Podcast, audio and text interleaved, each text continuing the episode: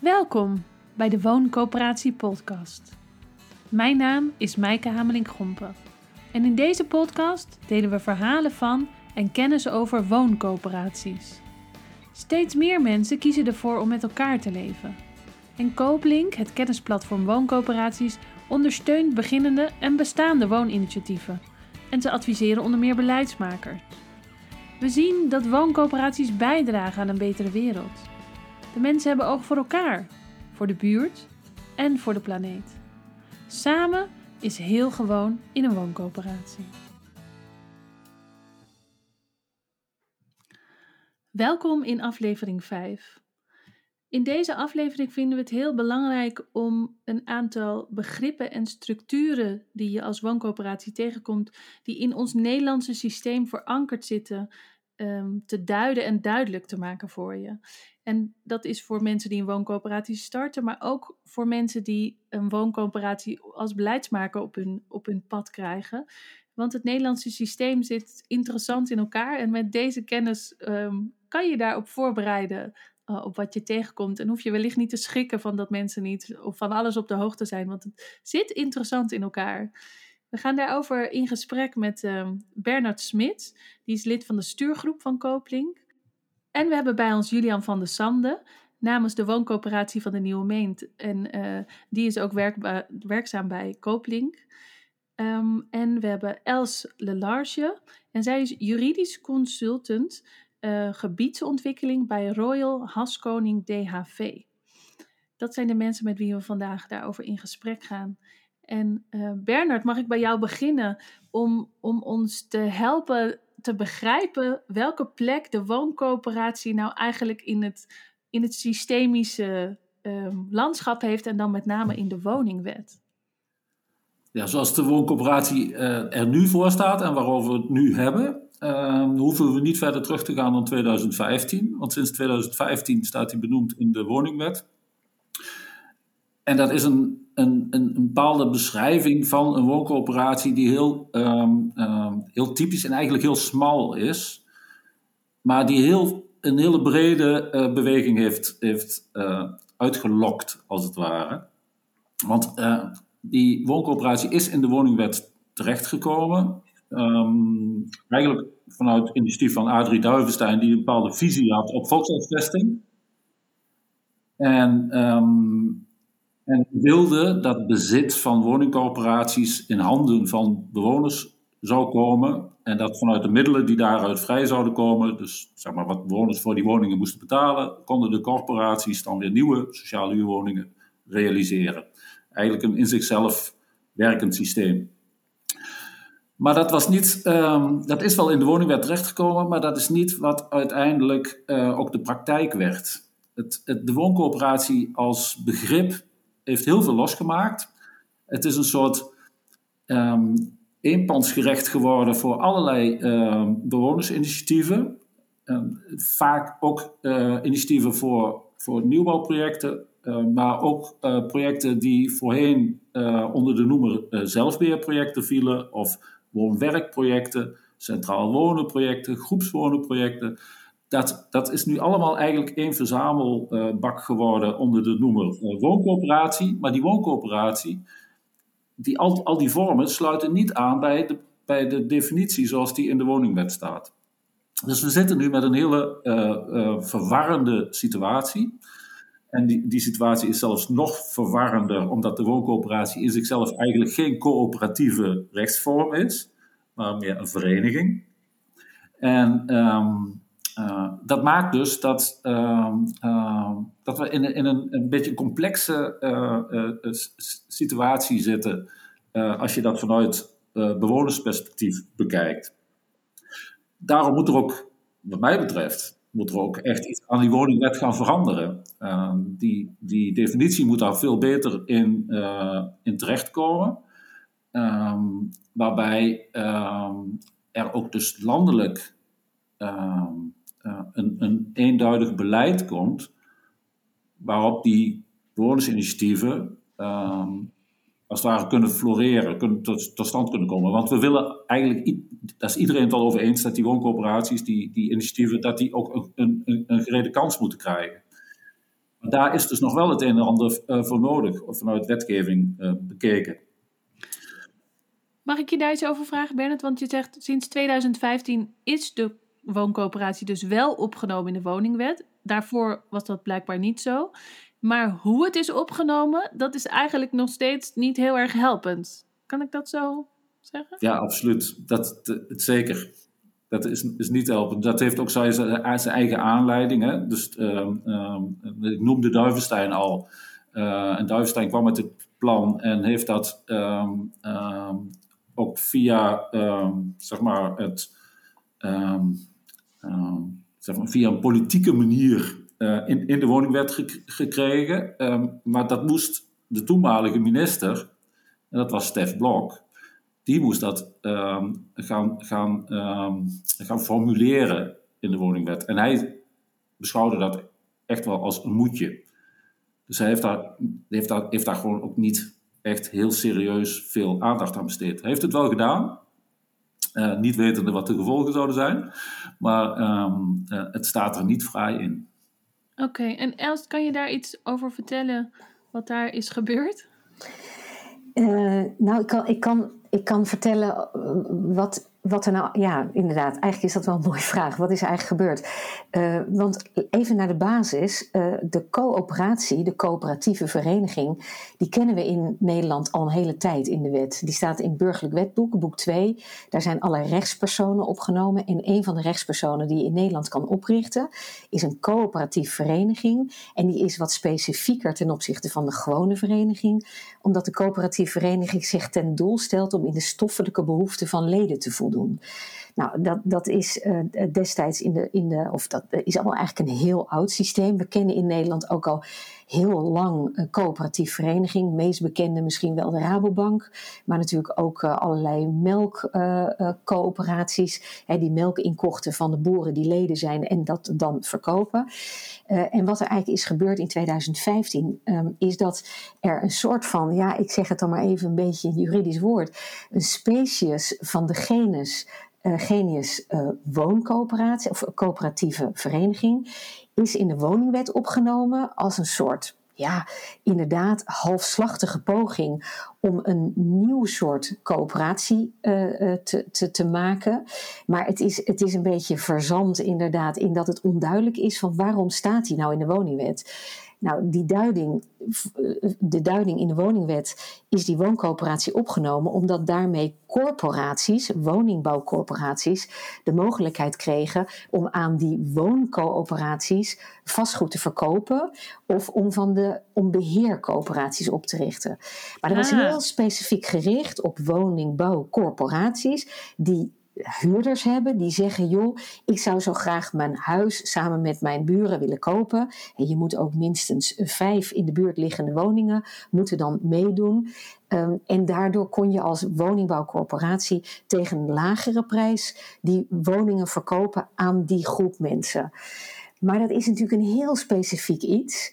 Um, en er is eigenlijk niet een duidelijke koppeling gekomen met de coöperatief vereniging die we gewoon al in uh, boek 2 kenden. En waarom is het nou belangrijk in de praktijk van wooncoöperaties dat er wel duidelijk duidelijkheid komt over wat is dat nou een wooncoöperatie? Dat komt eigenlijk om twee dingen. Um, uh, uh, overheden, maar ook woningbouwcorporaties, die zien zich geconfronteerd met wooncoöperaties die zeggen: joh, mag ik grond van jou kopen? Maar wil je alsjeblieft niet de marktprijs die een normale ontwikkelaar zou betalen aan mij uh, opleggen, want dat kan ik er niet voor betalen. Want immers, ik heb een hele andere exploitatie. Maar ja, in de wet, de, de coöperatieve vereniging in de wet, die kent helemaal niet zoiets specifieks dat is gewoon een, eigen, een eigendom van de leden, laat maar zeggen. De leden bepalen hoe de coöperatieve vereniging functioneert. En als die leden allemaal zeggen, nou laten we het vastgoed verkopen, want we kunnen een mooie, mooie winst halen, dan staat de wet daar niet aan uh, in de weg. En daarom zijn overheden heel erg benauwd om uh, tegen lagere prijzen die gronden te verkopen. Want ze zeggen, ja, hoe weet ik zeker dat jij ten eerste de boel niet verkoopt zodra de winst uh, zit? En ten tweede, hoe weet ik zeker dat jij inderdaad duurzaam, langdurig dus, een, een betaalbare woningen creëert. En hoe weet ik zeker dat je niet over vijf jaar dan toch die, die, die huur omhoog gooit? Nou, en daarom zou het heel goed zijn om daar een veel betere regeling over te krijgen, zodat je als coöperatie, wooncoöperatie, kunt zeggen: Don't worry, het is allemaal goed vastgelegd. Ik ben namelijk een wooncoöperatie in de zin van. Nou, en dan is het de vraag: en waar gaan we die nou een plek geven? moet hij onder het bestel van de woningwet. Want dan loopt hij helemaal mee met woningbouwcorporaties. Waar ook nooit de vraag aan wordt gesteld: ja, maar let op, je gaat toch niet over vijf jaar de boel verkopen en de winst uh, inhalen?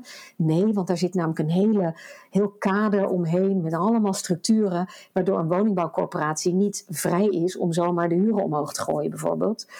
Uh, of moet hij in, de, in het burgerlijk wetboek? Uh, want daar zit, uh, daar zit de, de, de coöperatieve vereniging, is daar geregeld. En dan even nog als laatste puntje. In andere landen is de coöperatieve vereniging veel meer ingebed in, uh, in, het, in het doel om echt veel meer een instrument te zijn van de coöperatieve uh, uh, beweging, laat maar zeggen, om, om de sociale economie te helpen, hè, om die maatschappelijke doelen te bereiken. In Nederland is, is de coöperatie is een hele neutrale en technische regeling geworden in ons burgerlijk wetboek. Heel erg gestoeld op economische motieven. En, en nou ja, dat, daar zit nog wel een uitdaging voor Nederland. En dus krijg je, als je een wooncoöperatie opricht, of als je je als wooncoöperatie meldt bij een financier of bij een overheid of bij een woningbouwcoöperatie, ja, die weten gewoon niet zeker wat ze dan voor vlees in de kuip hebben, want het is niet geregeld. Bernard? Wat, wat, Els, wat zou, wat zou jij dan uh, uh, adviseren? Is een, een wooncoöperatie, is dat dan wel of niet de juiste term voor uh, dit soort initiatieven? Uh, nou, weet je welk, welke titel je daar aangeeft, uh, dat is semantiek. Ik vind wooncoöperatie best een mooi, mooi woord. Want het is een coöperatieve samenwerking van, uh, van, van burgers, van, van rechtspersonen of natuurlijke personen. Eigenlijk vooral natuurlijke personen in Nederland. Um, maar ik denk dat de kern is dat je als wooncoöperatie uh, credibility moet hebben vanuit de wet dat jij nou eenmaal bezig bent met duurzaam betaalbare woningen, dat jij de boel niet gaat verkopen en de zogenaamde exit yield, hè, wat ontwikkelaars allemaal wel uh, aan het eind van de 15 jaar dat ze hem vast moeten houden, hè, uitponden en de exit yield naar binnen trekken, uh, dat is wat je als wooncoöperatie nou net niet in je statuten hebt staan maar vanuit de, zeg maar, de coöperatieve gedachte, zeg maar, de sociale aspecten, die, die, die, dat wringt dan toch met uh, uh, zeg maar, de gedachte van de onderneming en de mogelijkheid om uh, ook winst te kunnen maken. Ja, klopt. En dat is precies waar je tegenaan loopt. Dat in het burgerlijk wetboek de coöperatieve vereniging, wat ik al zei, heel, heel neutraal, heel technisch is verwoord. En daar zitten eigenlijk vooral economische motieven lijken daar aan ten grondslag te liggen. Uh, en je zou eigenlijk een plek willen hebben. E, even als voorbeeld, hè. Ik, ik, ik was bestuurslid van het Rotterdams Woongenootschap. En uh, wij hebben in Rotterdam geprobeerd een aantal projecten van de grond te krijgen. En we liepen er eigenlijk al vrij snel tegenaan uh, dat niemand geloofde dat wij daadwerkelijk van plan waren als Rotterdams Woongenootschap. dat wij van plan waren om langdurig dat vastgoed als woning aan te houden in plaats van als speculatief uh, uh, ja, stenen, laat maar zeggen. En wij hebben ontzettend moeten bepleiten waarom. Maar dat wij dat niet zouden doen. Maar daar, wij werden niet op onze blauw, groene en bruine ogen geloofd. Want er werd gezegd, ja, maar jullie zijn een coöperatieve vereniging, dus je kan zo de statuten wijzigen. En dan zeiden wij, ja, maar we hebben er een golden bullet voor de uh, wethouder van de gemeente Rotterdam in gedaan. Dat als wij verkopen en er is winst, dan gaat dat zo naar de wethouder. Ja, nou ja, maar is dat wel stevig genoeg? Nou, zeiden we, je kunt ook in de verkoop van uh, de, uh, de grond, kun je gewoon opnemen dat wij 100 jaar niet verkopen. Vinden wij helemaal prima. Maar we moesten dus heel, wij moesten constant allerlei instrumenten op tafel leggen, waardoor de andere kant geloofde en ook kon vertrouwen op het feit dat wij dus daadwerkelijk langdurig voor het, het vastgoed voor wonen zouden gebruiken. En het zou zo mooi zijn uh, als dat nou ergens gewoon geregeld is. Een woningbouwcorporatie hoeft dat nooit te doen. Die hoeft nooit te zeggen: nee, maar ik ga niet verkopen zomaar. Nou ja, dat moeten ze in zekere zin wel doen. Maar door een woningbouwcorporatie in de zin van de woningwet te zijn, een toegelaten instelling, word je geloofd en word je vertrouwd, omdat er namelijk een wettelijke structuur om je heen zit. En, En dat, dat- is bij co- wooncoöperaties nog niet het geval.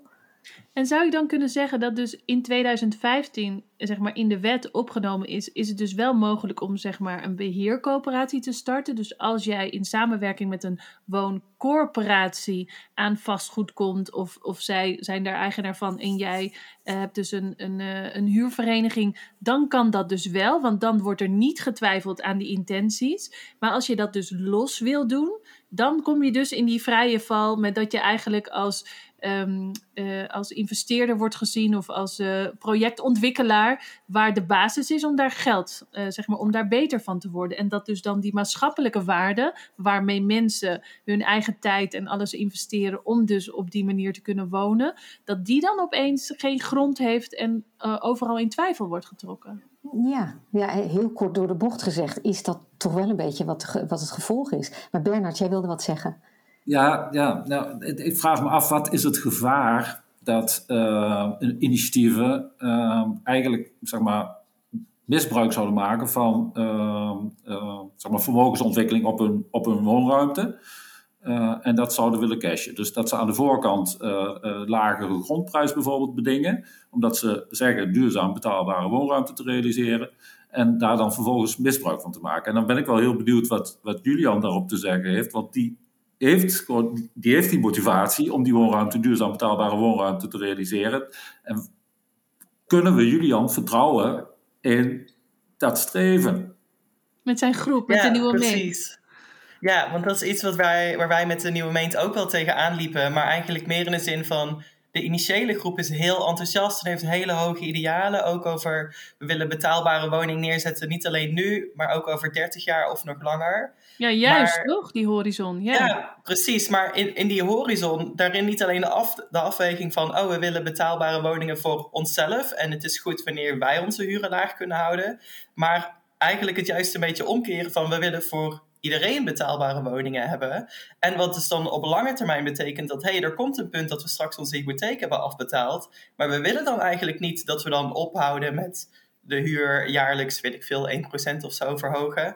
Maar dat je eigenlijk zegt van, we gaan daarmee door en we gaan niet eh, dat geld in eigen zakken steken door onze huren te kunnen verlagen, omdat we geen hypotheek meer hoeven af te lossen. Maar dat we dan zeggen van, nee, we houden die huur gewoon op peil en dan is dat nog steeds sociale huur, dus het is nog steeds betaalbaar. Maar dat we zeggen van dat overschot wat we daarmee creëren, dat kunnen we dan weer in volgende eh, wooninitiatieven stoppen. Want we merkten juist voor hoe lastig het was voor ons om de financiële middelen bij elkaar te krijgen om zo'n wooninitiatief initiatief te starten. Want het is super kostbaar om vastgoed op te zetten. En voor gewone burgers, helemaal wanneer je echt betaalbare woningen neer wil zetten, is het echt heel lastig om het te ontwikkelen. Dus het, idee was van ja, we willen dat eigenlijk juist op lange termijn verbeteren. Maar hoe leg je dat vast? Want we hebben het inderdaad wel in de statuten staan van hè, de huur mag niet verlaagd worden en het overschot van de inkomsten mag alleen uitgekeerd worden aan gelijksoortige initiatieven. Maar hoe weten we zeker dat de statuten niet veranderd worden? Hoe weten de, de bewoners over 30 jaar dat ze niet een beetje ingeslapen zijn, zeg maar? Het is dan ook heel makkelijk om voor je eigen portemonnee te kiezen van... nou, hè, het is eigenlijk wel lekker om de huur gewoon een beetje op peil te houden en, en gewoon niet te verhogen. En, en dat is voor ons ook een beetje die afweging van... wij zijn heel gemotiveerd en hebben hele hoge idealen... maar hoe kun je dat verankeren dat dat ook blijft in de toekomst? Want we hebben het ook bij andere panden gezien die al veel langer bestaan... die een hele andere geschiedenis hebben. Vaak zijn de eh, coöperatieve panden die er nu nog zijn... ook uit het kraakverleden voortgekomen. Maar soms slapen ze gewoon in. En dan verdwijnen die idealen een beetje. En dan zijn ze niet meer zo geëngageerd... dat ze bijvoorbeeld mee willen helpen aan het ontwikkelen van veel andere panden. En dat is soort van de... Ja, de golden question van hoe, hoe kun je dat voorkomen? En voor ons zou dat ook heel fijn zijn inderdaad, als er juist zo'n juridische grondslag is, dat je gewoon weet van dit is iets wat ja, die idealen eigenlijk voor altijd kan behouden. Ja, en daar is denk ik niet één dingetje voor nodig, maar daar is een structuur voor nodig. En dan kijken we ook bijvoorbeeld naar eh, Zwitserland, maar ook naar Denemarken en Engeland. Eh, waar, nou, en dan met name in Zwitserland, waar de, de, de coöperaties hoogtij vieren. Hè. Daar heb je prachtige voorbeelden. Daar woont, ik geloof in, eh, ehm, nou, dan ben ik even de naam van uh, de grote stad uh, kwijt. Maar daar, daar zijn steden waar gewoon 20% van, de, van het vastgoed in eigendom van wooncoöperaties is. En daar, daar is een structuur neergelegd waardoor niemand twijfelt dat de wooncoöperatie in feite de derde bouwstroom is die je in een land kunt hebben uh, waarbij er twee bouwstromen zijn die echt gericht zijn op duurzaam uh, vast, uh, betaalbaar vastgoed. Dat is de corporatie en de wooncoöperatie. En er is een bouwstroom en die is gericht op, ja, daar, daar is het wat vrijer. Dat is dan de vrije sectorkant. Um, en daar kan het gewoon. Dus het kan ook in Nederland, maar het vergt wel wat aanpassingen in ons hele bestel. Ik, ik, neem aan dat je Zurich bedoelde. Sorry, dat was hem erg. Ja. ja. Maar weet jij, weet jij hoe ze het in Zurich uh, geregeld hebben? Dat het maatschappelijk kapitaal in de projecten blijft? En ja, nou, nou, nou overvraag je me heel even, want ik heb dat uh, een heel aantal jaar geleden heb ik dat uh, goed bekeken. Iemand die daar heel goed van op de hoogte is, is Peter Kunsley. Die heeft dat ontzettend goed bestudeerd. en dat, dat is ook in het boek van Arie Lenkeek en Peter Kunsley is dat ook heel, heel erg uitgeschreven. Um, hoe, hoe, hoe organiseer je nou dat die derde bouwstroom de, een, voor iedereen echt een van de bouwstromen wordt. Uh, een van de dingen is wel dat, um, uh, wat uh, Julian ook zei, daar is dus de structuur dat wooncoöperaties het geld wat zij hebben inzetten om nieuwe wooncoöperaties weer in de benen te helpen. Of om vanuit hun eigen wooncoöperatie weer nieuwe projecten op te starten. En daar is dus eigenlijk, daar zijn twee revolving funds ontstaan. dus, dus laat maar zeggen, fondsen die constant rolerend zijn en waar het geld eigenlijk de hele tijd in blijft even uitgaat en weer inkomt. En het eerste is dat het op, op, uh, echt op stadsniveau uh, functioneert. Daar krijg je gewoon als wooncoöperatie ook echt een startkapitaal. Dan kun je aankloppen en dan kun je al je ontwikkelkosten, want dat is een gigantische hoeveelheid geld, uh, kun je daar voor financieren. financiers van jou hebben daardoor ook veiligheid dat ze kunnen instappen. En ten tweede heb je de uh, de financieringsstroom, de, de, de fondstroom vanuit alle wooncoöperaties die daar zijn en die daar al jaren bestaan.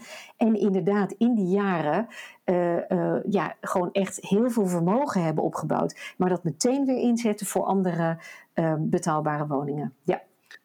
En ehm, Julia, mag ik jou daar zo over vragen? Um, Ad van uh, Ecodor Boekel, die vertelde dus dat zij heel lang in gesprek waren met twee banken in Nederland. En dat ze dus steeds maar weer met nieuwe dingen moesten over de brug komen om te bewijzen of om het project te valideren.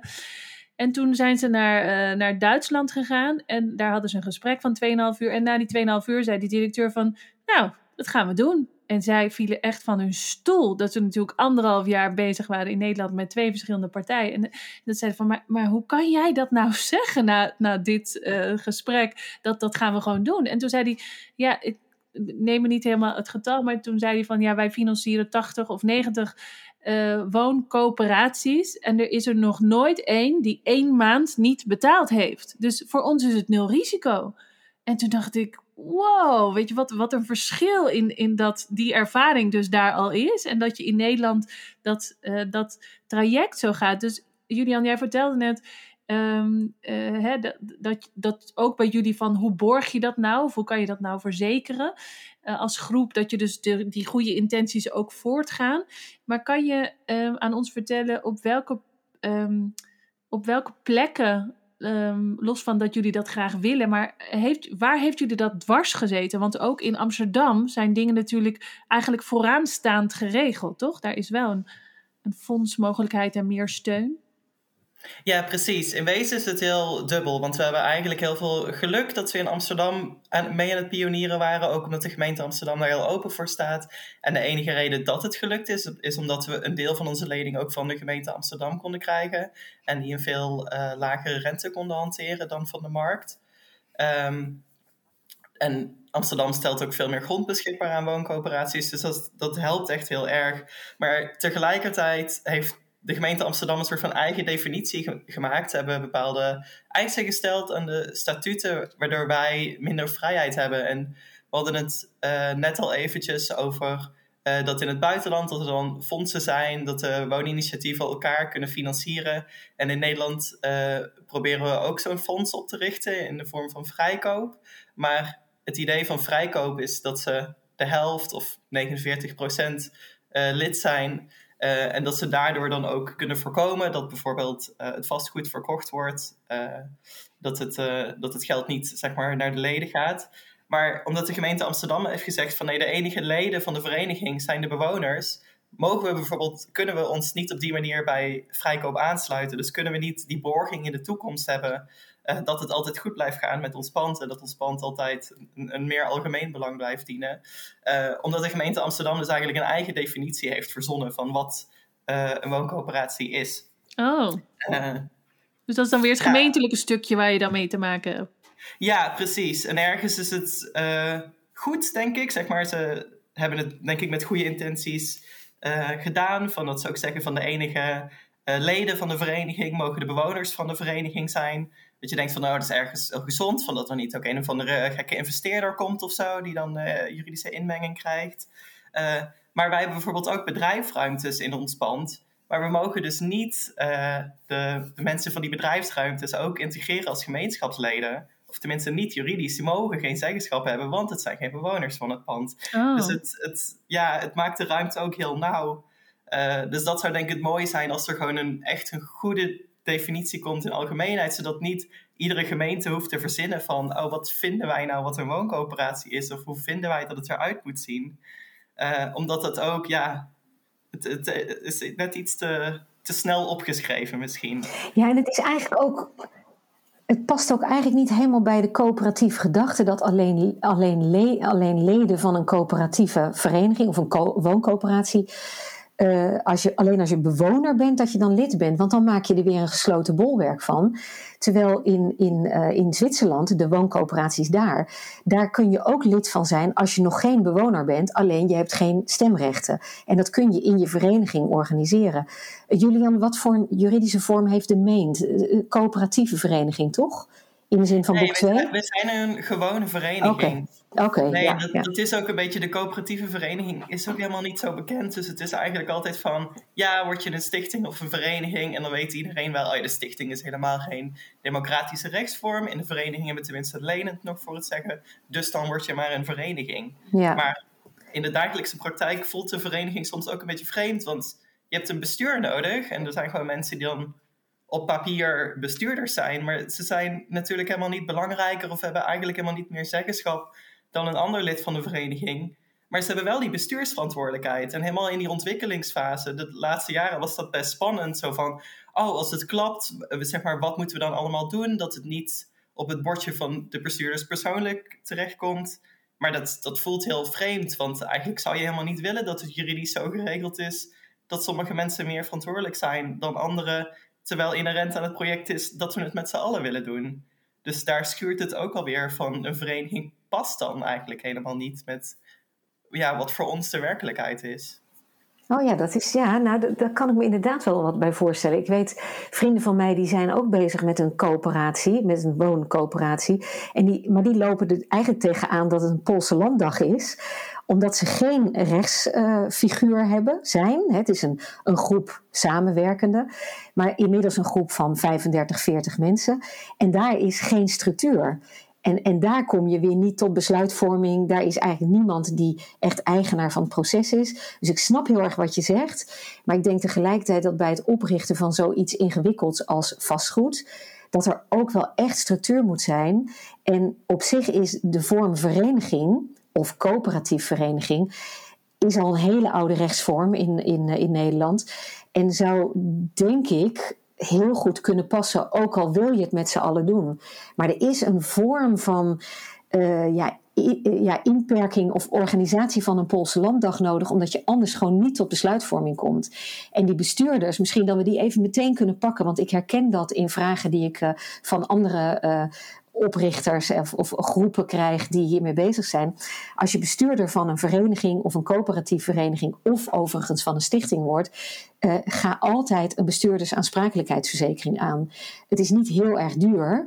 Um, het is wel vervelend, omdat als je helemaal geen geld hebt, moet je toch uit eigen zak betalen. Maar het is wel de beveiliging voor jou als bestuurder uh, voor eventuele aanspraken van derden. Dat is even, misschien even tussendoor dat we dat niet vergeten. Nou, super waardevol. Die uh, heb ik meteen genoteerd. Zal ik in de show notes ook nog weer melden. Maar het is super belangrijk, denk ik inderdaad. En zeker als je in zo'n idealistisch. Hè, je neemt dan die functie, want mensen moeten dat maar doen. Maar um, ja, Julian, vertel. Ja, dat was voor ons inderdaad ook wel een, een fijne stok achter de deur om dat te hebben. Toch een extra zekerheidje. Dat, wat dan ook een beetje een geruststelling geeft. Maar um, met je vergelijking met de Poolse landdag wil ik ook wel toevoegen dat structuur niet gelijk hoeft te staan aan hiërarchie. Want dat is het lastige van het huidige systeem, dat het bestuur dan altijd boven de rest van de leden gesteld wordt. Terwijl in onze praktijk is dat natuurlijk helemaal niet zo. Um, en ik, ik, denk dat het vooral belangrijk is dat je wel een structuur hebt. En, en daar moet de verantwoording bij de leden liggen. Dat die structuur er is, zodat er goed gefunctioneerd kan worden. Zodat bepaalde taken echt uitgevoerd worden. En je kunt natuurlijk altijd met z'n allen aanwijzen van... hey, uh, jullie drie zijn verantwoordelijk voor de grote lijn. Maar dat betekent niet dat die niet kunnen wisselen. Of dat dat niet goed gecontroleerd wordt door de leden. Of dat de verantwoordelijkheid daarvoor bijvoorbeeld alsnog bij de leden ligt in plaats van bij die drie die dan toevallig bestuurder zijn. Ja, en dat, dat, uh, dat het bestuur uh, hiërarchisch boven de leden staat, is bij een vereniging niet zo. Hè? Bij de vereniging is het hoogste orgaan de Algemene Ledenvergadering. En dus in je statuten voor je vereniging, voor je wooncoöperatie, moet je dus ook heel goed definiëren wat is nou de, de breedte van de opdracht aan het bestuur. En waarin uh, moeten ze altijd terug naar de ALV uh, voor, uh, voordat ze een handeling kunnen verrichten, een rechtshandeling. Bijvoorbeeld het sluiten van overeenkomsten. En je kan een bestuur kan je enorm beknotten door te zeggen je mag niks doen boven de 100 euro, ik zeg maar wat, dat kan. Hè. Daarmee krijg je daar als ALV gigantisch uh, veel meer uh, grip op wat er gebeurt. Je moet je alleen afvragen of het heel praktisch is. Maar daar in die, in die samenhang tussen hoeveel macht geef je het bestuur en, uh, en wat blijft nog bij de ALV? Dat is bijvoorbeeld iets waar je bij het opstellen van je statuten echt heel goed over na moet denken. Ja, en dan komen we eigenlijk weer heel mooi terug uh, in onze ervaring met het verschil tussen uh, de GLS en de Nederlandse bank, in ons geval de Rabobank.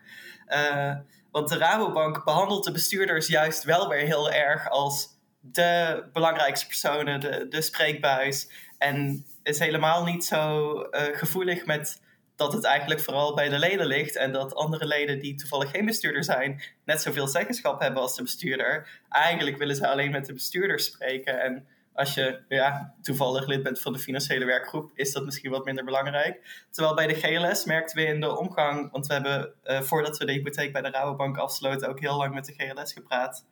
Uh, maar in de omgang merkten we daarvan dat iedereen daar gewoon gelijk is. En dat je gewoon merkte van, oh ja, we kunnen daar gewoon met onze financiële werkgroep heen. Uh, en voor hen maakt het niet uit wie de penningmeester is of wie degene is die toevallig vandaag het woord voert. Dus, dus dat is daar al veel meer. Dat zij toch. Ja, ze hebben veel meer ervaring met die coöperatieve vorm. Ja, ja oh, mooi dat je dat zegt. Bernard. Ja, het is wel belangrijk om daarin een, een uh, helder onderscheid te maken tussen verantwoordelijkheid en aansprakelijkheid. Want dat verklaart ook denk ik ook wel een beetje de, de verschillende houdingen van die banken. Uh, in, een, in een gewone vereniging uh, zijn de leden niet aansprakelijk voor uh, wat de vereniging doet. De, het bestuur daarin is dat wel. En bij een coöperatieve vereniging regel je de aansprakelijkheid van de leden. Dan kunnen de leden wel degelijk aansprakelijk zijn. En vanuit de bank gedacht, als je vanuit de risico's denkt, wat de, Nederlandse, de grotere Nederlandse banken natuurlijk doen, uh, die kijken naar een gewone vereniging. Van wat als het fout gaat, wie kunnen wij aanspreken? En ze kunnen de leden daar dan niet aanspreken, ze kunnen alleen het bestuur aanspreken. Um, en de, de, de, Duitse bank zal waarschijnlijk meer vertrouwen hebben in uh, hoe dit soort woonvormen, hoe dit soort uh, rechtspersonen functioneren. En die snappen dan beter dat iedereen verantwoordelijk is voor het handelen van de vereniging misschien niet iedereen aansprakelijk, maar wel iedereen verantwoordelijk is. Exact, meer vanuit de praktijk. Juist. Ja. Um, Els, jij wil daar ook iets graag aan toevoegen. Ja, misschien even iets meer juridische nuancering in wat jij zegt, uh, Bernard. Uh, een, een, derde partij die zaken doet met uh, een vereniging of een coöperatief vereniging, die stelt de vereniging als rechtspersoon aansprakelijk voor dingen die er gebeuren. Dus de rechtshandelingen die worden verricht door de vereniging, niet door het bestuur. Ja, dat wil zeggen, het bestuur is gemachtigd hè, of mag de rechtshandeling verrichten, maar de rechtspersoon die de handeling verricht naar de derde is de vereniging.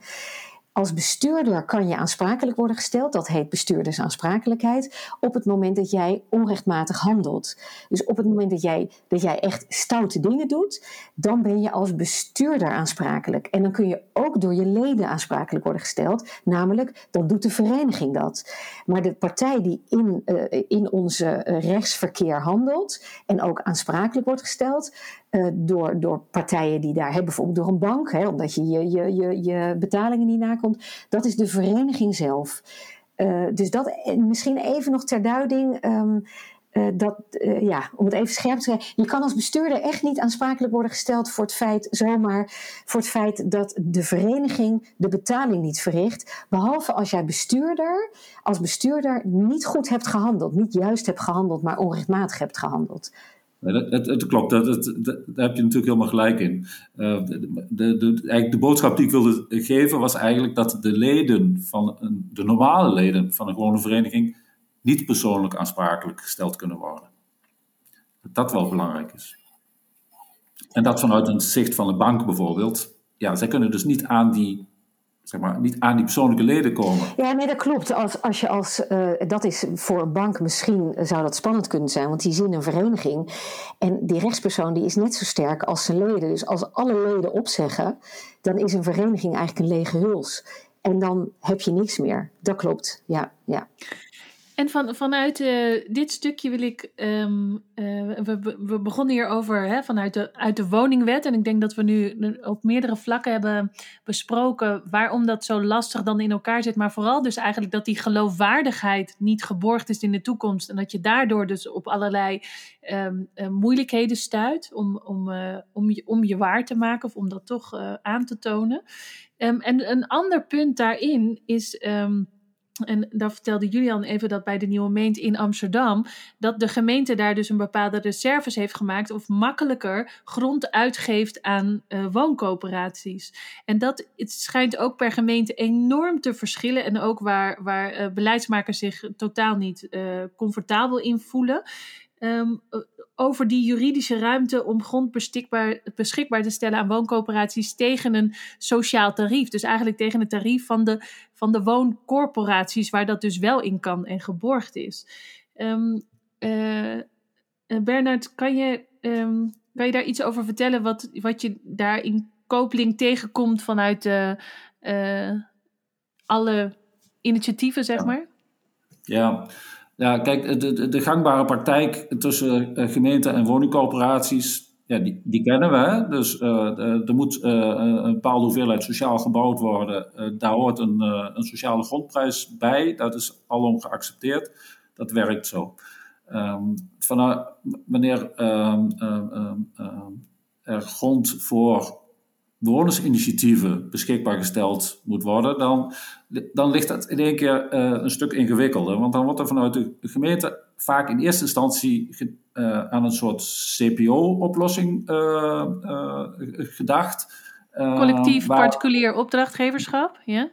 Collectief particulier opdrachtgeverschap, waarbij eigenlijk de normale marktprijs voor de grond geldt. Ja.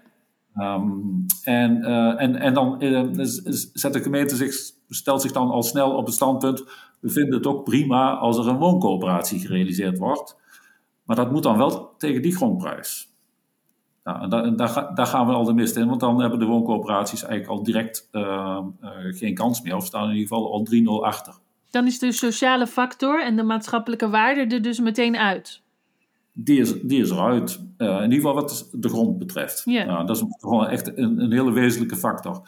Uh, dan zou een welwillende gemeente nog best wel eens ehm, eh, over, met de hand over de hart willen strijken en eh, misschien vanuit een sociaal oogpunt grond goedkoper aan willen bieden aan een wooncoöperatie. Maar als dat in een beleid gebeurt waarbij dat eigenlijk onder het CPO valt, dan zit er altijd wel een afdeling vastgoed achter die zegt van nee, we hebben die opbrengst nodig als gemeente. Dus we moeten voor maximalisatie gaan. Ja, dus dat is wat je veel kan tegenkomen. Dat eigenlijk, zeg maar, zou je recht kunnen hebben als je het um, uh, waar wil maken of mogelijk wil maken dat je dus socialer kan wonen tegen een, uh, een lagere prijs. Um, dat je dan, um, dan heb je dus die lagere grondprijs nodig.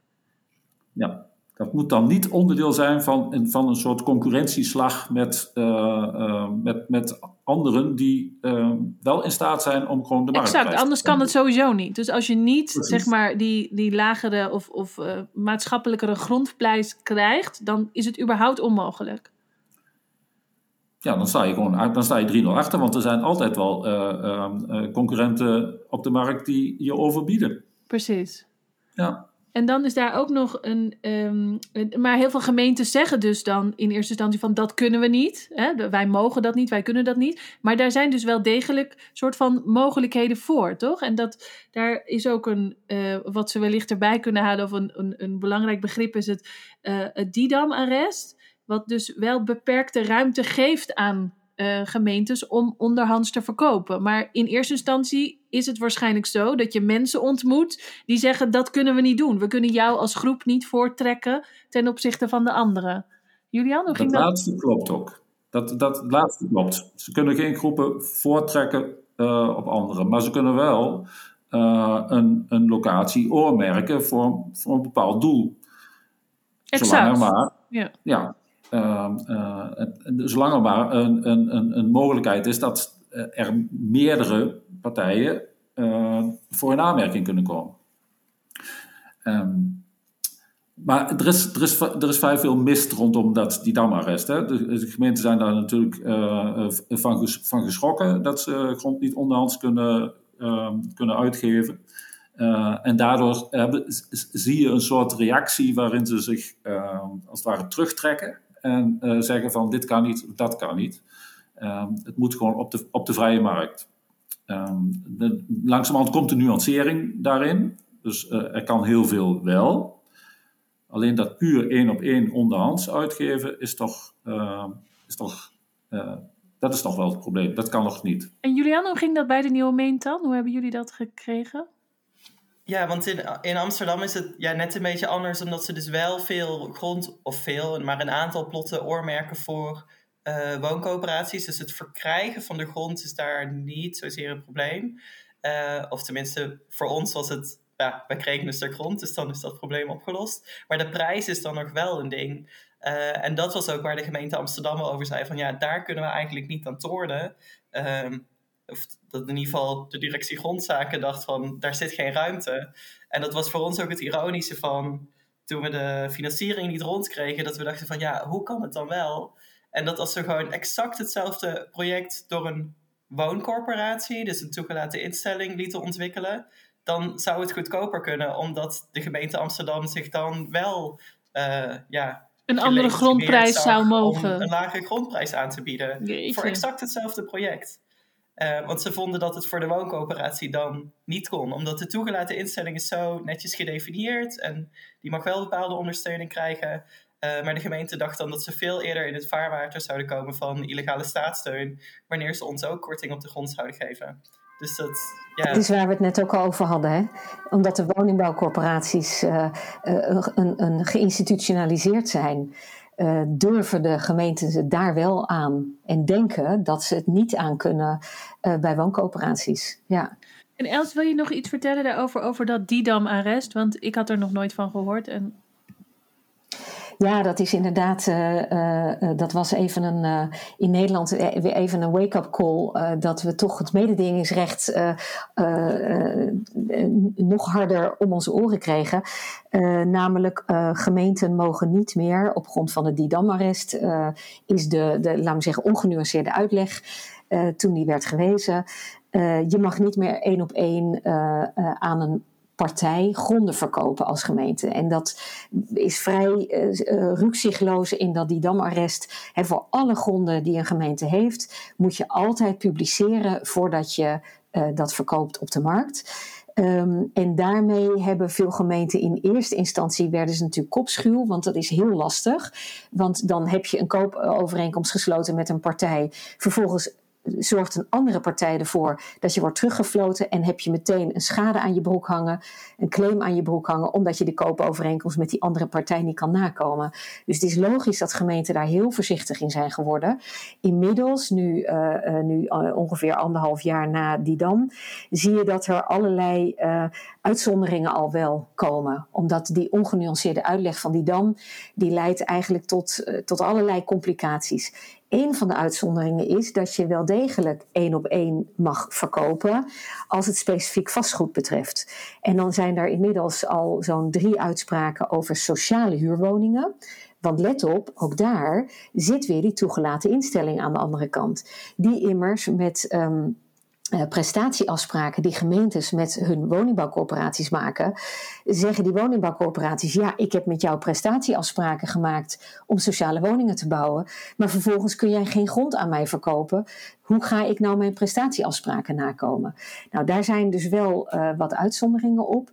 Er zijn misschien twee manieren om met die dam om te gaan. Maar daar moet wel duidelijkheid over komen.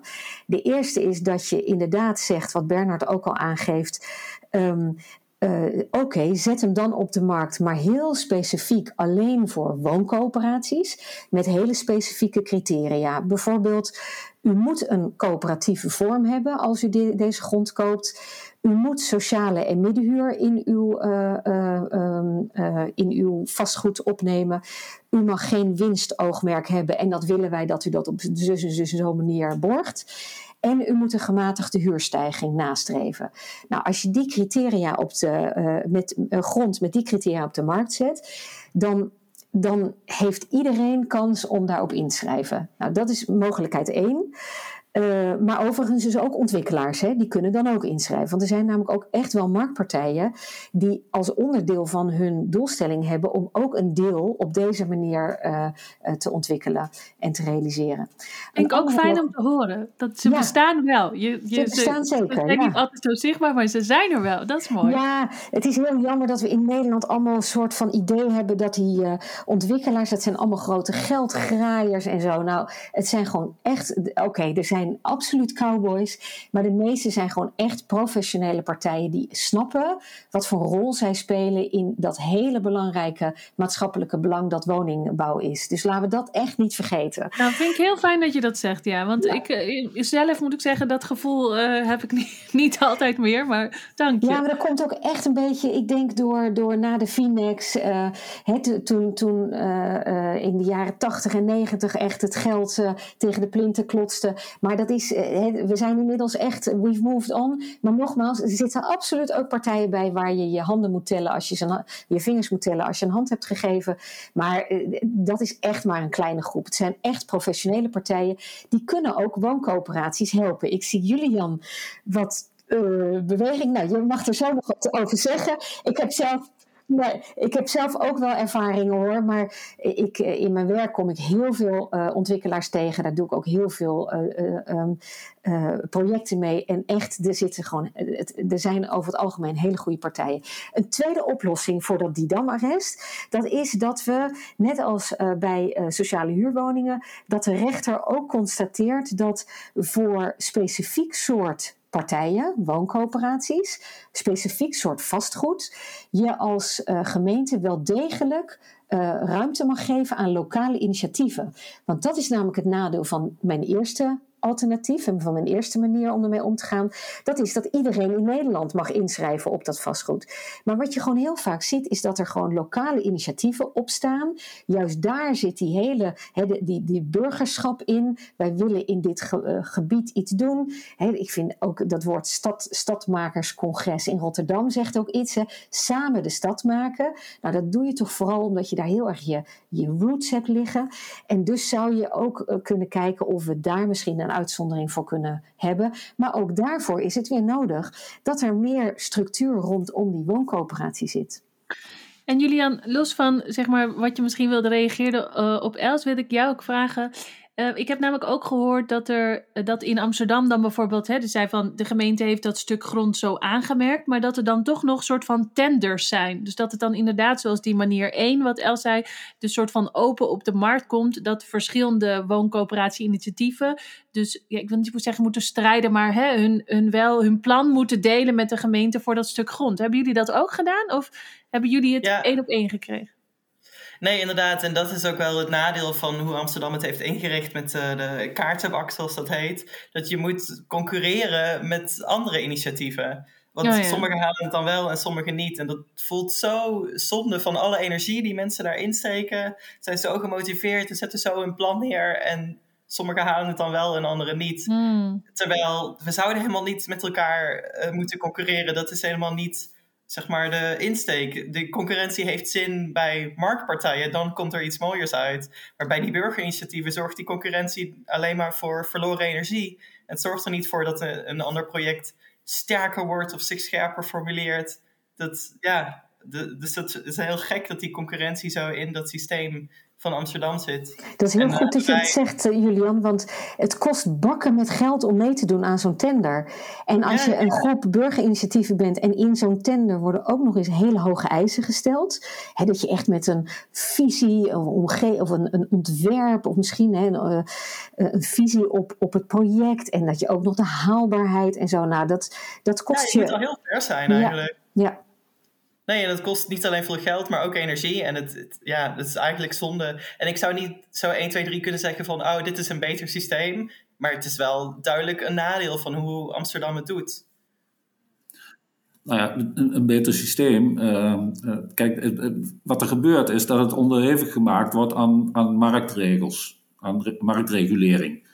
En, uh, en daar moet het eigenlijk van weg. Want je kunt dit, dit soort initiatieven niet onder de markt zeg maar, in, onder de markt onderbrengen. Uh, je kunt het ook niet zien als uh, overheidsinitiatief. Hè? Wat in het verleden natuurlijk ook was dat de overheid zegt van oké, nu moeten we uh, optreden, nu moeten we handelen om iets voor elkaar te krijgen. Dus wij gaan het zelf initiëren. Nee, dit, dit is echt wel een derde vorm. en zou ook in die zin ook daarin ook een eigen status moeten krijgen en ook een eigen instrumentarium. hoe ja, hoe, hoe, die, hoe, die, hoe die gepositioneerd wordt ten opzichte van de markt en de overheid. En daar ontbreekt het aan. En, dat is ook natuurlijk omdat burgerinitiatief uh, uh, eigenlijk nog maar een relatief marginaal verschijnsel is. Maar uh, het is niet meer te negeren. En dat is eigenlijk wat we dus ook hier in, in deze aflevering vooral de mensen willen meegeven. Um, uh, dat er mogelijkheden zijn, maar ook dus dat het systeem er niet op ingericht is en dat het klopt dat je tegen moeilijkheden aanloopt, omdat we het niet georganiseerd hebben. Dus dat is niet jouw initiatief of jouw gemeente of wat. Dat, dat is de, de manco van ons systeem. Um, en daar kunnen we tot nu toe, nou ik wil zeggen niks aan doen. Er zijn mogelijkheden om omheen te gaan, maar dat is heel lokaal, heel specifiek, um, uh, heel erg uh, plekgericht. Um, omdat we dus dat niet centraal geborgd hebben. En er is nog een ander. Mag ik daar nog een, mag ik iets aan toevoegen, Zeker. Maaike? Want je hebt helemaal gelijk. Maar er zit in Nederland nog iets en daar moeten we echt van af. En dat is dat we met z'n allen denken dat vastgoed, stenen om in te wonen, dat dat iets is waar je geld aan moet verdienen. Ja. ik weet nog bij een van de eerste uh, gegadigden of uh, bijeenkomst van geïnteresseerden voor het Rotterdams Woongenootschap stond een jonge man op en die zei: Ja, wat krijg ik nou eigenlijk als ik dan uh, een aantal jaren dan lid ben geweest? En heb ik ook een beetje geld moeten inleggen. En dan, dan, dan woon ik daar en ik ga eruit. Wat krijg ik dan eigenlijk betaald? En toen zeiden wij, nou ja, je krijgt je inleg terug met natuurlijk CPI. Hè, want je het uh, geld ontwaart. Dus je krijgt natuurlijk je geldontwaarding. Ja, maar waar verdien ik dan aan? En, en dat zit zo, in, zo ontzettend in het DNA van Nederlanders, dat je op je eigen huis moet je geld verdienen. En zolang we dat erin hebben, denkt iedereen ook dus de partij, dus, dus let op, initiatiefnemers van wooncoöperaties, de mensen die tegenover jou zitten, zijn het uh, marktpartijen, zijn het aannemers, zijn het gemeenteambtenaren, uh, is het iemand van de bank. Ze zitten daar allemaal met in hun gedachten, deze persoon gaat geld verdienen aan dit vastgoed en daar moeten wij ook een stukje van krijgen. Want dat is het, de normale structuur in Nederland. En, en jouw initiatief, waarin jij zegt: ja, maar ik wil vastgoed maken om in te wonen. Hallo mensen, niet om geld mee te verdienen, maar om langdurig. Om een levensbehoefte, een basisbehoefte te vervullen. Ja. Ik zit hier om iets te maken wat wij met z'n allen belangrijk en nodig achten. Uh, dat is iets wat in eerste instantie niet geloofd wordt. En het is een beetje onaardig om dat zo hard te zeggen. Ik ben ook heel benieuwd, Julian, Bernard, of dat ook jullie ervaring is. Maar uh, zes jaar wooncoöperatie uh, of in, de, in, de, in het bestuur. En, en, en nu de afgelopen 7,5 jaar hiermee bezig. Dat zit in het DNA van het Nederlandse vastgoedsysteem. Ja, dat is heel herkenbaar voor ons ook. En voor ons was dat juist ook een speerpunt om de nieuwe meent op te richten. Van huizen zijn er om in te wonen, niet om geld mee te verdienen. Uh, en dan hebben we weer het geluk dat we in Amsterdam ontwikkelen. Dat de gemeente Amsterdam er ook zegt van... Je mag het niet uh, zomaar gaan verkopen en het aan jezelf uitkeren. Dus dan, dan hebben we daar weer die borging van dat het niet alleen in onze statuten staat, maar de gemeente daar ook nog wat over wilt zeggen. Dus dan gelooft de bankje al wat eerder. Uh, maar dat is inderdaad dat soort van een, een heel nieuw iets. En voor de bank ook vreemd. Van dat, dat hoort niet of zo. Um, en dat is precies ook wat voor ons het belangrijke is om het als wooncoöperatie te doen. En het grote verschil met de investeerders. Omdat de investeerders inherent bestaan om er wel uh, ja, winst mee te maken. Om het als een ontwikkelingsobject uh, te zien. En niet alleen maar huizen waar mensen in wonen. Dus dat is voor mij wel het, het, het, ja, een grote nuancering met waarom je niet per se wil uh, dat investeerders altijd degene zijn die huizen bouwen. Omdat ze gewoon niet opgericht zijn om dat algemene belang te dienen, om ja, in die woonfunctie te voorzien. En dat is dus eigenlijk ook de reden waarom je zeg maar, als groep niet geloofd wordt. Omdat we vanuit dat investeringsland komen en omdat dat dus ook in de basis het doel is. Tja, jongens. Ja, ja. Ik denk dat partijen haast denken dat je, dat je gewoon veel geld weggooit. Omdat je er niet zo winst op wil maken. Van hè, maar je kunt gewoon winst maken met die stenen. Waarom zou je dat ja, niet doen? Ja, waarom zou je dat niet doen? Het, het, is inderdaad zo dat je... Uh, je kan, er zijn allemaal way, ways around, laat maar zeggen. Hè, langs al deze belemmeringen. En die zijn allemaal logisch als je kijkt vanuit Nederland... hoe we met vastgoed omgaan. Uh, en welke regels we daar allemaal voor hebben. Uh, dan heb je het over dat die dam, dan heb je het ook over staatssteun, daar hebben we het eigenlijk nog niet heel erg over gehad. Uh, um, maar, maar er zijn allerlei regels waar gemeenten en woningbouwcorporaties aan moeten voldoen, uh, waardoor ze niet zomaar de ruimte hebben om te zeggen: hé, hey, ik vind het een heel goed initiatief. En weet dus als initiatiefnemer dat je al die hobbels, daar moet je allemaal creatieve oplossingen voor bedenken. Die zijn er ook, want inmiddels hebben we een aantal dingen geprobeerd. Uh, uh, die ook uh, op zich kunnen werken. Maar je loopt uiteindelijk aan tegen politieke en bestuurlijke wil of onwil. En dat is echt iets wat we bijvoorbeeld in Rotterdam hebben gemerkt. Dat een deel van de, van de politieke partijen ziet hier echt een derde, derde stroom in en wil hier echt op inzetten. En een deel van de politiek, die, die gelooft het gewoon niet. Die ziet het als een manier om een aantal burgers in het zadel te helpen en uh, lekker uh, goud omrand te gaan wonen. En daar heb je uiteindelijk mee te dealen. Heb je allemaal dingen bedacht, allemaal ways around, al die hobbels. En uiteindelijk gaat het toch om de vraag, die partij die tegenover jou zit, waar je afhankelijk van bent, gaat hij het willen? En dat moet je ook beseffen. En dat is ontzettend balen, maar dat is op dit moment nog de, uh, de situatie. Misschien als tip voor, de volgende, voor een volgende podcast is om Peter Kunstli uit te nodigen om te vragen: hoe komt het nou dat in Zurich dit gewoon mainstream is?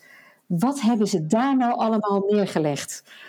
En Els, um, uh, we, gaan een beetje zeg maar richting het einde, maar ik wil dit vooral niet missen, want um, er, je komt dus onmogelijkheden tegen. En in die onmogelijkheden zijn er dus ook allemaal zeg maar uh, boeien of lifelines die je wel kan aangrijpen en die je kunnen helpen. En, en één daarvan is volgens mij de taxatierichtlijn hoe waardeer je nou um, zulk maatschappelijk vastgoed? Dat is eigenlijk dus in die mindset en in ons DNA is dat dus eigenlijk een enorm, een enorm probleem. En, en hoe, waar komt die taxatierichtlijn vandaan en, en hoe kan dat helpen? Kan je daar iets over vertellen? Ja, die taxatierichtlijn, uh, uh, die, dat is een initiatief van Platform 31 geweest. Eigenlijk ook naar aanleiding van allerlei uh, cry for help vanuit de praktijk. Uh, van ja, weet je, je loopt er gewoon tegenaan. Twee, op twee manieren loop je financieel tegen een muur. De eerste is gemeentes en woningbouwcoöperaties zeggen: dit is staatssteun, we kunnen niet onder de prijs verkopen. We hebben het net al wat over gehad. Maar de tweede is ook die financieringsinstelling, die bank. En uh, uh, misschien heel even kort daar nog een puntje over. Waarom zijn die banken nou een beetje kopschuw voor wooncoöperaties? Dat komt omdat zij werken vanuit de bar, uh, bruto aanvangsrendement. Um, als je bij een bank aanklopt en je zegt: Ik ga vastgoed oprichten en dat wordt verhuurd aan mijn leden. Dit is de exploitatie die ik daarbij heb. Dus dit is ook de ruimte in de exploitatie voor financieringsaflossing. Dan gaan die banken kijken of je wel een goed aanvangsrendement maakt. Nou, bij wooncoöperaties is het aanvangsrendement uh, over het algemeen lager dan bij uh, um, uh, ander vastgoed, bij, bij niet-sociale huur of middenhuur vastgoed. Omdat je nou eenmaal gewoon in de vrije sector veel meer huur kan vragen en je huur stijgt naar vanand veel harder. Maar op de lange termijn, en dat staat ook in het boek van Arie en Peter, die hebben dat laten zien. Op de lange termijn is die, die, die wooncoöperatie heeft gewoon een heel gezonde exploitatie. Overigens is dat niet eens heel erg lange termijn. Hè? Dat is geloof ik al met een jaar of vijf is die echt, uh, zit die helemaal goed. Daarbij komt dat um, in die andere landen, uh, waar het heel normaal is om een uh, wooncoöperatie te financieren, daar blijkt dat geen enkele wooncoöperatie omvalt. En waarom is dat? Omdat daar mensen zitten die hun huur betalen. Uh, uh, omdat het namelijk fantastisch is om woonruimte te hebben die je daadwerkelijk kan betalen. betalen ja. En waar je niet meer dan, dan 30% aan woonlast hebt, waar je in Nederland inmiddels op de 50% zit, hè, als je in, in middenhuur zit. Dus je, je, je inkomen en je woonlast, die zijn veel gezonder. Hè? Wat het Nibud ook zegt, blijf nou onder die 30%. Nou, dat lukt in Nederland eigenlijk al niet meer als je, een, uh, als je niet enorm uh, hoog inkomen hebt. Um, dus dat even voorop. Die taxatierichtlijn helpt dus op twee manieren. Die zegt tegen de gemeente als je nou op deze manier uh, naar de waarde van het vastgoed kijkt, dan ben je op marktconforme voorwaarden bezig. Nou, als je marktconform je, je, je prijs bepaalt, is er per definitie geen sprake van staatssteun. En die zegt tegen de bank: Kijk, wij hebben op een hele logische, uh, normale parameters hebben wij gebruikt om uh, het, de exploitatie, om het rendement van dit vastgoed te bepalen. En dit is de ruimte voor financieringsbehoeften. Nou, en daar helpt deze taxatierichtlijn en daarom hebben we die met een groep mensen ge gemaakt. Daarbij moet ik meteen zeggen um, dat hij eigenlijk ook een beetje tegenstrijdig is aan wat we in Nederland eigenlijk zouden moeten zeggen. En dat is dat een wooncoöperatie helemaal geen ondernemer is. Dus voor staatssteunrecht is eigenlijk die taxatierichtlijn hoeft niet. Want op het moment dat je aan een wooncoöperatie grond uitgeeft, ben je niet bezig met staatssteun verlenen, omdat een wooncoöperatie geen onderneming is. In de zin van het staatssteunrecht. Nee. Maar daar zijn we in Nederland nog niet helemaal over uit. En we hebben van de Europese Commissie daar ook nog geen zekerheid over. En dat, als ik een tip zou geven, zouden we daar echt op in kunnen zetten. Want dan zijn we in één keer verlost van die hele discussie over staatssteun. Ah. Hey Julian, en bij de, bij de nieuwe meent, wisten jullie van die taxatierichtlijn? Hebben jullie hem gebruikt of was het niet nodig? Of? Nou, wij zijn helaas al getaxeerd uh, voordat die taxatierichtlijn werd uitgebracht. Want uit mijn hoofd is die van, van de zomer gepubliceerd. Ja, juli 2023. Uh, ja. ja, en dat was wel ook iets waar wij tegenaan liepen. Want ja, je moet natuurlijk gewoon getaxeerd worden als pand. Maar dat voelde voor ons ook heel oneerlijk. Omdat de taxatie zoals het op de oude manier gedaan wordt... of voor ja, standaard commercieel vastgoed. Want daar vallen we dan uh, onder. Of in ieder geval bij de Rabobank vallen we daaronder dat ja, hoe taxeer je iets dat niet bedoeld is te verkopen? Dat, we wisten altijd van dit, ja, je probeert gewoon een, een, een driehoekje door een rondje heen te duwen. Ja.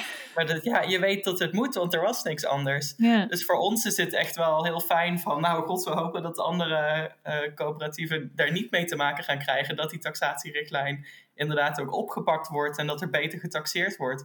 Maar voor ons was dat wel ook weer lastig van, ja, hoe krijg je een, een een hypotheek die eigenlijk soort van rechtvaardig voelt bij hoe groot je project is. Hoe, ja, hoe schat je op waarde iets dat je niet in de markt zet? Want er wordt toch altijd die markt bijgehaald van, om te kijken wat de waarde ervan is. Uh, nee, dus ja, voor ons was dat een probleem. En dus ik ben blij dat, uh, dat er nu een oplossing uh, voor in het zicht is, of voor al voor is. Daarbij is overigens wel ook voor die taxatierichtlijn. Het is nog steeds nodig, want een van de dingen die de taxatierichtlijn zegt, is hou nou rekening met de gebruiks- en verkoopbelemmerende factoren. Dat is bijvoorbeeld, laat je huur niet te hard stijgen, um, verkoop het vastgoed niet op termijn. Um, Alleen loop je dan weer er tegenaan, hoe is dat dan geborgd? En als je dat in je statuten vastlegt, dan is dat eigenlijk onvoldoende, omdat je als leden de statuten mag wijzigen. En daar, en dan komen we weer terug bij het eerste onderwerp, dan is het cirkeltje heel mooi rond. Um, hoe zorgen we er nou voor dat dat in het in het woonsysteem of in het stelsel in Nederland, dat je dat inderdaad geborgd hebt. Zonder dat je daar allerlei toeters en bellen bij moet halen. En wij hebben in Rotterdam bijvoorbeeld tegen de gemeente gezegd: leg het maar vast in de verkoop van, het, van de grond als je het in erfpacht uitgeeft, zijn we ook hartstikke blij mee. Leg het vast in de erfpachtvoorwaarden. Uh, de golden bullet die wij voor de wethouder in de statuten, dat die niet mag worden aangepast. Daar is dan een notaris natuurlijk hè, als, als uh, veiligheidsclip. Want die moet namelijk de statuten aanpassen als de leden dat willen. Maar als erin staat, dit artikel mag niet worden aangepast, dan is het de notaris die zegt, nee, sorry ALV, je kunt dit niet aanpassen, dus dat doe ik niet. Nou, dat, dat soort structuren hebben we allemaal bedacht om door die hoepeltjes, hè, om inderdaad de, door, dat, uh, door dat rondje, dat driehoekje te persen. Uh, en nog werden we daar niet, uh, is dat niet gelukt. Daar wilde de gemeente, ja, daar was gewoon onvoldoende politieke en bestuurlijke wil om dat dan ook daadwerkelijk te gaan regelen. Dus dan, nou, dus die, die taxatierichtlijn die helpt zeker, want die geeft duidelijkheid. En tegelijkertijd, je moet nog steeds door die hoepel springen. En het maakt dus ook heel erg uit wie je treft. Want voor de een zeg maar, kan het wel genoeg zijn en de ander voelt zich daar nog steeds niet zeker genoeg over. Dus, dus dat is ook denk ik wat we hier um, wellicht heel erg uh, mee hebben gewild om, om um, uh, de mensen uit te leggen van je komt een aantal moeilijkheden tegen. Um, en, en zoals ik ook hoor, Els, jeetje, wat hebben jullie dat op allerlei manieren geprobeerd te borgen en te zeggen, oh doe maar dit. En een soort van je vast willen zetten, omdat je niet bang bent voor dat vast te zetten, want dat is ook helemaal niet wat je wil, want dat Precies. moet ook in die groep blijven. Dus de, daar heel ver in gegaan zijn. En nou ja, in, in jullie geval in Rotterdam, dat dat dus toch nog niet genoeg was. En zoals in Amsterdam, eh, nog zelfs zonder de, de nou, tractatie, de taxatierichtlijn, dat dat uh, uh, dus ook wel gelukt is. Dus het, het is geen, um, uh, het is toch echt elke individuele case die je te lopen hebt. Maar, maar weet vooral dat deze mogelijkheden en deze munitie en, en, en informatie er is. En vooral als je die zelf tot je kan nemen, wat wij nu hebben geprobeerd om vooral duidelijk uit te leggen, dan kan je dus mensen ook helpen in dat proces. Het is dus ook niet dat mensen, uh, zeg maar, um, onwelwillend zijn, maar dit zijn ook echt de, de, de moeilijkheden die gewoon nog in ons systeem zitten. Kan ik dat zo zeggen, Bernard? Nee, het, het, klopt helemaal. Uh, maar de, de, vraag is natuurlijk, nu, nu is het heel, heel erg versnipperd, zeg maar. De, de, kansen en de mogelijkheden die er zijn, zijn lokaal afhankelijk. En, en, en de keuzes die je maakt of die je nastreeft. De, de, vraag is van, wanneer kun je dit nou uit de pioniersfase halen? Want dit zijn allemaal kenmerken van een pioniersfase. Hoe kun je, wanneer kun je dit nou uit de pioniersfase uh, halen en mainstream maken? Dus welk alomvattend instrumentarium kun je met elkaar bedenken dat recht doet aan deze coöperatieve beweging? Dat is nog wel een, een groot vraagteken. Dus we, we, hebben hier ook niet een kant-en-klare oplossing kunnen uh, voorleggen. Zo van iedereen is het erover eens dat dit zou moeten gebeuren. Nee, daarvoor is het toch te complex. Maar dat het nodig is om uit deze pioniersfase te komen, dat is wel duidelijk. En dat die tijd er nu is. En volgens mij is het dus ook eigenlijk zo dat we zouden kunnen zeggen dat, dat ook zeg maar, zo'n organisatie als Kooplink, die is enorm daarmee bezig om zijn steentje daar ook aan bij te dragen. En, en het zit dus wellicht ook nog in de pijplijn. Want er is natuurlijk heel veel beweging en er wordt nog steeds heel veel over gesproken. We zijn er nog niet, maar weet wel dat iedereen op zijn manier en ook de gesprekken die jullie bij de Nieuwe Main, zeg maar, um, uh, voert uh, met die verschillende instellingen, dat die natuurlijk allemaal bijdragen aan het feit um, uh, om, om het opener te maken en om, om mensen te informeren over hoe de basis eigenlijk het probleem vormt. Dus met onze welwillendheid. Els, wat wilde je daar nog over zeggen? Ja, ik wilde eigenlijk een oproep doen, want ik, uh, kijk, ik, ik, heb, ik heb het hartstikke druk, maar ik, eh, mijn vingers jeuken om twee dingen in ieder geval op korte termijn, termijn uitgezocht te hebben. En dat is ten eerste, is de wooncoöperatie eigenlijk een onderneming? Want dan kunnen we namelijk dat hele staatssteunrecht uh, over, uh, over de schutting gooien. En dan hebben we daar tenminste niet meer mee te maken. Dus ik roep elke uh, student op die rechten doet in staatssteunrecht, maar ook in, zo'n, in dat hele woonbestel is geïnteresseerd. ik, ik begeleid je met alle liefde bij je afstudeerscriptie. En een tweede oproep, uh, ook voor studenten. En dat zijn dan mensen die ook uh, het interessant vinden om in het woonbestel te kijken. Uh, zou een onderzoeksvraag zijn: waar moet je nou die wooncoöperatie een plek geven in ons bestel? Volgens mij zou het kunnen helpen, kunnen we het ministerie helpen, om daar, om daar afspraken of, of, om dat bestel dan op die manier aan te passen. En daar zou ook een hele mooie scriptie uit kunnen komen. En ook daar geef ik met liefde begeleid ik die student die dat wil onderzoeken. Nou, ik denk dat dat een hele mooie um, ook vraag en oproep voor, voor het einde van deze aflevering zijn. Dat er dus echt nog hulp gewenst is en dat je echt een fantastische scriptie waar de, waar de praktijk ook um, jou volledig in omarmt. En dat je dus ook niet zelf hoeft te bedenken. Alsjeblieft, zet je je denkkracht en je unieke kwaliteiten hiervoor in.